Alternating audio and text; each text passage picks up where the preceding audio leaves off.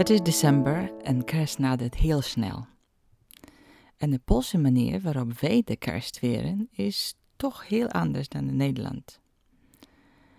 Um, ik wil graag verhaal van de Poolse traditie vertellen. Ik ben Bożena Kopczynska, voorzitter van de stichting Polish Culture in Nederland. Wij beginnen in Polen eigenlijk kerst te vieren al op de kerstavond op 24 december. En dat is een van de meest magische avonden, vol van symboliek en traditie. Een deel van de cultuur die voor veel Polen echt belangrijk is en zeer dierbaar. Je ooit kerst in Polen doorbrengt, wordt het echt een van de warmste, meest onvergetelijke kerstervaringen van je leven. De feestelijke sfeer begint al een paar dagen van tevoren. Gevierd met de traditionele familie kerstdiner. Deze avondmaal heet vigilia. En het uh, woord komt vanuit het Latijnse woord vigil. En dat uh, betekent waakzaamheid. Eigenlijk wacht je de hele avond op de geboorte van Jezus. Traditie, of mm, je kan het bijgeloof uh, noemen, spreekt dat alles wat op de dag gebeurt, heeft een impact op het volgende jaar. Dus dat betekent, ruzies worden vermijden, anders ga je de hele jaar vechten. Alle geleend geld moet absoluut terugbetaald worden, vooral aan je vrienden, anders heb je geen vrienden volgend jaar. Huis moet opgeruimd worden, heel mooi, anders wordt het een heel rommelig jaar. En alles in orde is, dan begin je met alle voorbereidingen tafel wordt prachtig aangekleed met de oude linnen tafelkleed. Met alle bestek. Op die dag uh, leren kinderen eigenlijk hoe moet je alle bestek uh, gebruiken. Alle vorkjes en messen. Onder het tafelkleed uh, werd een kleine bundel stro gelegd. Het is een symbool van stalen van waar Jezus werd geboren in Bethlehem. Een heel belangrijk onderdeel is het voorbereiden van een extra stoel aan tafel. Het is een stoel voor een onverwachte gast. Niemand in Polen mag absoluut kerst alleen doorbrengen. Alle Polen beschouwen het als hun persoonlijke heilige plicht om ervoor te zorgen dat geen van hun familieleden, vrienden, kennissen of zelfs maar mensen die ze toevallig op straat ontmoeten op deze dag alleen is. Dat weet ik nog van mijn kindertijd. Een van de compagnons, zakcompagnons van mijn vader, die was alleen uh, op de kerstavond. En die was gewoon uitgenodigd om mee te eten met onze familie. Hij mocht niet alleen thuis zijn.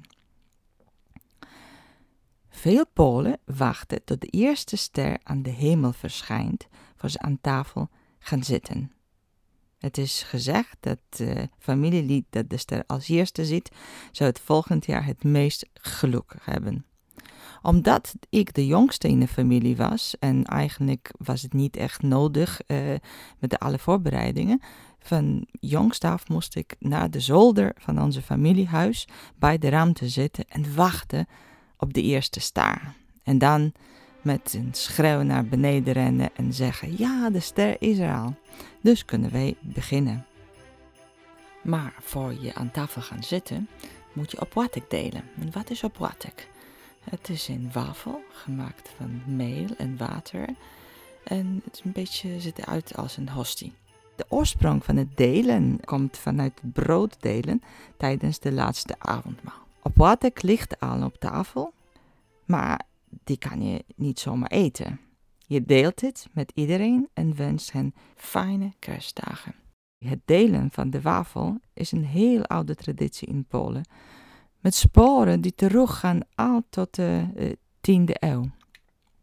En waar je ook woont in Polen, Noord, Zuid, Oost, West, begin je die avond altijd eerst met het breken van opwatek.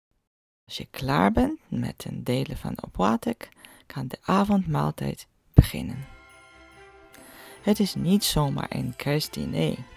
Er zijn twaalf gerechten, allemaal zonder vlees. En ze staan voor twaalf apostelen of voor twaalf maanden. Ja, twaalf gerechten. Dat zijn er heel veel. En je moet ze allemaal op zijn minst proeven, want anders heb je geen geluk volgend jaar.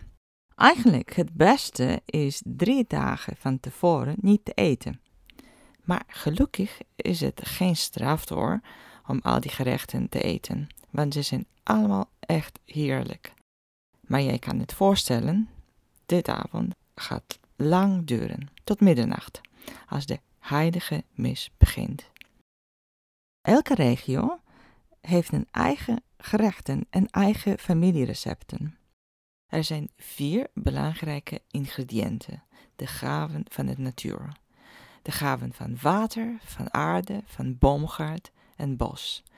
En dat zijn allemaal vissen en bloemen voor het deeg te maken en de groenten en de fruiten en natuurlijk paddenstoelen. Die worden geplukt de hele herfst en dan gedroogd. Achter alle gerechten zit er een symboliek. En eigenlijk zijn alle gerechten ook heel goed en gezond voor je. De eerste gang is een soep. In de meeste van Polen is het een barst, heldere bietensoep. Rode biet uh, eigenlijk verhoogt de immuniteit van het lichaam, dus dan ben je gezond voor het hele jaar.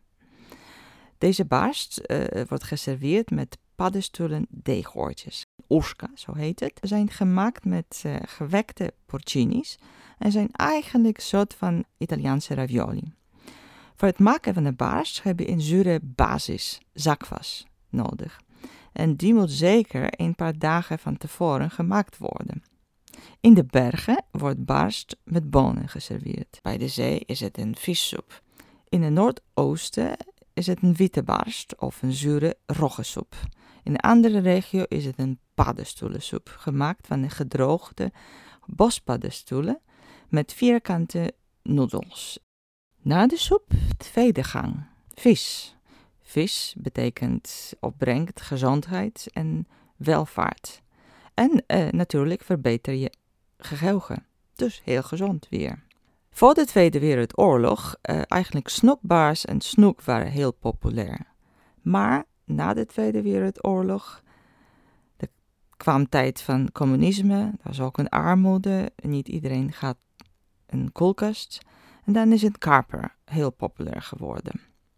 Kweken van het karper is heel oud in Polen, 700 jaar oud.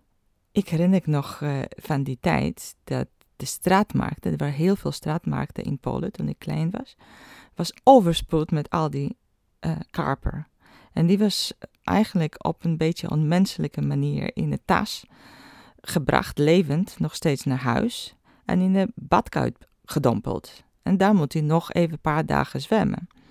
Het beste karper wordt zo vers mogelijk geserveerd. Maar dat betekende ook dat wij gingen niet douchen voor een paar dagen. Badkuip was bezet. Er was ook een heel veel vrede voor kinderen om met de karper te spelen in de badkuip. Maar er zijn ook veel verhalen over buitenlanders die absoluut geschokt zijn door deze opvatting. Deze karper kan op veel verschillende manieren worden bereid. Kan, kan gepaneerd zijn of uh, bijvoorbeeld karper, in een Joodse stijl. Dit zijn een stukjes vis die langzaam in een visbouillon worden gekookt en dan geserveerd met een natuurlijke gelei, uitjes, worteltjes enzovoort. Daarna komt een volgende vis, haring. Haring was heel vroeg uh, onderdeel van de bevolking uh, maaltijd. En de contacten tussen Polen en Nederland waren ook eerst in de haringvangst. Die haring kan geserveerd worden met de zure rom, met appels, met gehakte uitjes of met tomaten of weer gemarineerd in olie en azijn.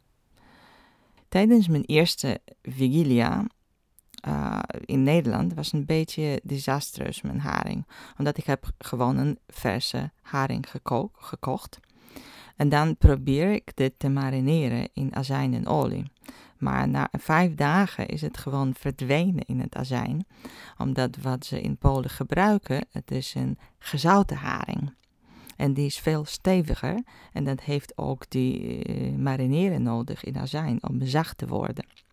Na de vis komen pierogi. Ik denk dat het het meest erkende Poolse voedsel is. Ik heb eigenlijk ontdekt dat de oorsprong komt vanuit China. En die kwam eeuwen geleden met zijderoute eigenlijk en verspreid door de hele Europa. Je hebt soort van uh, raviolis in uh, Italië. Je hebt ook dumplings in Engeland. Um, maar die Poolse uh, pierogi, het is in deegkussentjes, gevuld met gehaakte of aardappelen of kvark. Of die kunnen ook zoet zijn met bosbessen of een aardbeien. En die kunnen ook gekookt, gebraden of gebakken zijn. Maar voor vigilia worden ze geserveerd met de zurkel en gedroogde paddenstoelen. In oostelijke regio worden zoete pierogi geserveerd met gedroogde pruimen en manzet. Ook heerlijk. En daarna is het een zurkel. Gestoofde zurkel, vaak geserveerd met paddenstoelen. Zurkel is heel gezond voor je. Beschermt tegen kwaad, zeggen ze. Maar het is goed voor de darmen. Er zitten heel veel vitamines, goed voor je haar, voor je huid. Dus je wordt er alleen maar gezonder van. Bijna iedereen stoofzurker voor de kerst. En nu zijn we een beetje halfweg van de avond. Maar we zitten al vrij vol. Dus gelukkig uh, is het tijd voor kerstcadeautjes. En pauze in het eten. Iedereen wacht op hen. De wacht op ons de hele avond onder de kerstboom. Deze gewoonte om elkaar kerstcadeautjes te geven houdt verband met, het, met de geschenken die de drie wijze mannen aan Jezus gaven tijdens ons bezoek aan Bethlehem. Maar het is nu lekker even uitgerust. Uh, kunnen we weer beginnen met het eten. Achtste gang zijn koolrolletjes. Die heten gołąbki. Meestal worden ze gemaakt met vlees, maar bij Vigilia zijn ze gevuld met granen, bokweit, parelgort of rijst en gedroogde paddenstoelen. En dit is eigenlijk de laatste hartige gerecht. Tijd voor zoete gangen, voor de grand dessert. In Oost-Polen, waar ik vandaan kom, komt altijd als eerste koetje. Het is een heel oude toetje dat alleen voor kerstmis wordt gemaakt. Het is een mengsel van tarwekorrels, gekookte manzet, honing, in alcohol gedrenkte gedroogde vruchten en noten. En hier heb je honing. Die is heel goed voor je. Het is een symbool van lange leven. Noten, vruchtbaarheid. Heel zwaar, maar ook heerlijk. Eigenlijk kan je niet zoveel koetje eten. Dat is zo machtig. Na koetje komt een piernik. En dat is een peperkoek. Uh, gemaakt weer met honing, reuzel, suiker, eieren en kruiden. Een van de beroemdste komt vanuit een stad Torun, waar Copernicus is geboren. En daar heb je de, ze gevuld met jam, uh, bedekt met chocolade of een suiker. Het is moeite waard alleen maar naar Torun te gaan om deze piernik te proeven. Maar terug naar onze vigilia. En dan de elfde gerecht, fruitkompot. Dat is een kompot gemaakt van gedroogd, gerookt fruit. Heel goed voor de spijsvertering. En die heb je echt nodig op die avond, na al die gangen. En dan de twaalfde en de laatste gerecht. Het is een manzetcake. Mijn favoriete eigenlijk. Het zijn lagen van deeg, gevuld met manzetroom. Manzet is gekookt uh, in een slagroom voor ongeveer anderhalf uur. Ja, dan kom ik weer dan mijn eerste Nederlandse vigilia. Dan probeer ik een uh, anderhalf kilo manzet ergens te kopen. Nou, vergeet Albert Heijn. Daar krijg je die niet. Dus een, uh, met een lange zoektocht heb ik die in één natuurwinkel gevonden. Maar in kleine zakjes. Nou ja, heb ik mijn tas vol gepropt. En dan ging het naar de kassa. En daar kijken mij heel bedenkelijk aan en ineens werd ik verhoord. Waarom ik zoveel maanzag nodig heb, wat ga ik met daarmee doen? Nou ja, dan probeer ik uit te leggen dat is voor mijn vigilia. Maar het is geslacht. Heerlijke maanzetcake.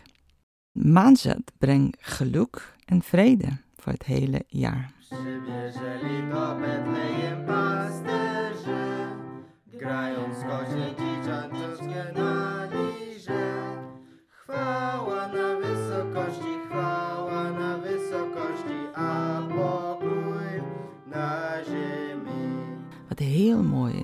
Gebruik is tijdens deze diner, is het zingen van de kerstliederen. Er zijn een duizend van. Volgens een recent onderzoek zingt bijna 80% van de Polen kerstliederen aan het kerstdiner. Ik heb daar zo'n warme herinneringen aan. Tijdens onze vigilia bij mijn familie, ik moest altijd op de piano spelen en ik moest eigenlijk een paar weken van tevoren, van tevoren al de kerstliedjes leren op een eh, piano. Dan kon ik begeleiden tijdens de hele avond. En mijn favoriete kerstliedje is een, eigenlijk een slaapliedje voor Jezus uit de 13e eeuw. En die heet Lulajże Jezuniu.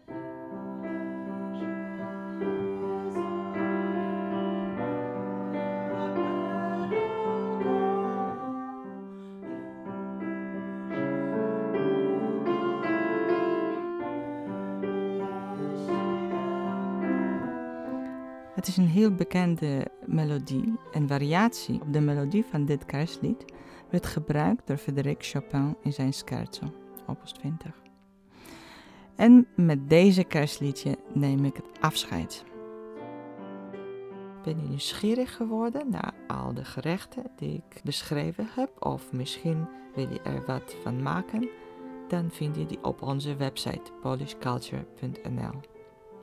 Daar kun je alle lekkerste recepten van mijn familie vinden. En tegenwoordig kun je alle ingrediënten gewoon in Nederland krijgen. Ik wens jullie allemaal heel fijne kerstdagen en heel veel gezond en geluk in 2021.